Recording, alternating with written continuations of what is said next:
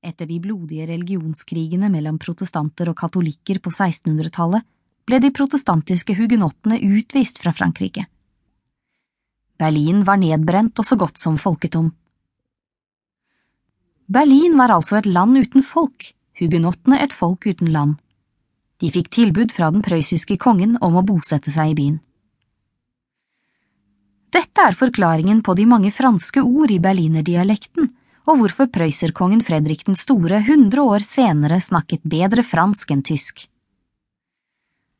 Dette kan nok også forklare hans nære, men etter hvert så problematiske vennskap med opplysningsfilosofen Voltaire.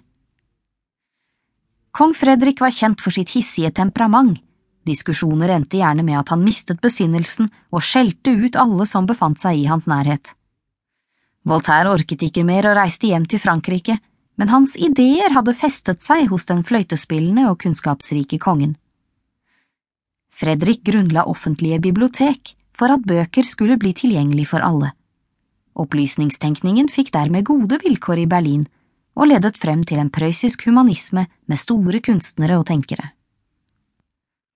Utover på 1800-tallet ble Prøysen derfor ikke bare en militær stormakt i Europa, men også dikternes og tenkernes land.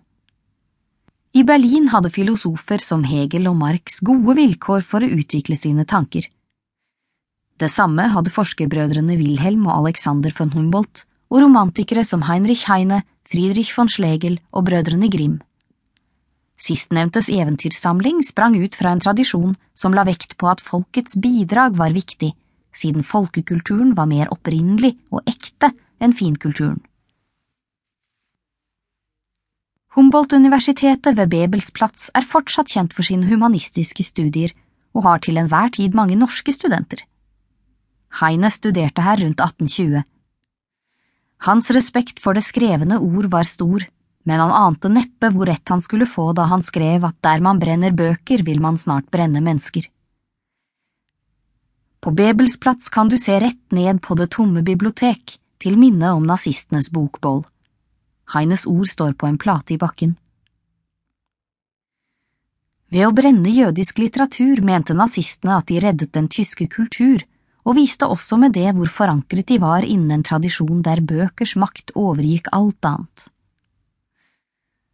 Typisk nok måtte Tyskland samles før et monument over bokbollene kunne skapes i det gamle Øst-Berlin.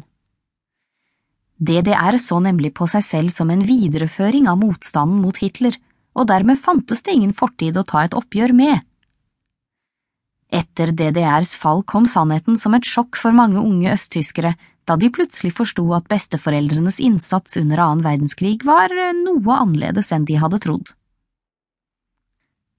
Historieomskriving og historieforfalskning er ikke noe nytt. Det store paradokset med Berlin er at byen som var sentrum for både den varme og den kalde krigen, ved første blikk kan se ut som om den mangler historie. Sporene fra Nazi-Tyskland og DDR blir mindre og mindre synlig. Like nedenfor Potsdamer Platz finner du imidlertid restene av både Berlinmuren og Gestapos hovedkvarter. Sammen gir de en grøssende følelse av hva et totalitært system, uansett politisk farge, kan få seg til å gjøre. I begge regimer anga naboer, kjærester, søsken og venner hverandre. Alt dette skjedde i et land som inntil 1933 hadde representert noe av det edleste og mest høyverdige innen diktning og filosofi. Hvordan var det mulig å bygge opp to slike systemer i løpet av så kort tid? En forklaring på den raske overgangen mellom politistatene kan kanskje ligge i en kommentar som tilskrives Stalin. Er apparatet på plass, overtar vi bare ledelsen. Selv om det vil ta lang tid å lege folks mentale sår, gror sårene i bybildet overraskende fort igjen. Helt siden murens fall og Tysklands gjenforening har heisekranene dominert himmelen over Berlin. Nettopp derfor er det så viktig at det igjen og igjen fortelles om muren og om alt det andre som er borte. Musikalen Kabarets Berlin er borte, det samme er Bertolt Brechts Berlin og Christiane Fs Berlin. Englene som betrakter menneskene i Wim Wenders film Himmelen over Berlin fra 1987, vandrer langs en mur som ikke lenger finnes.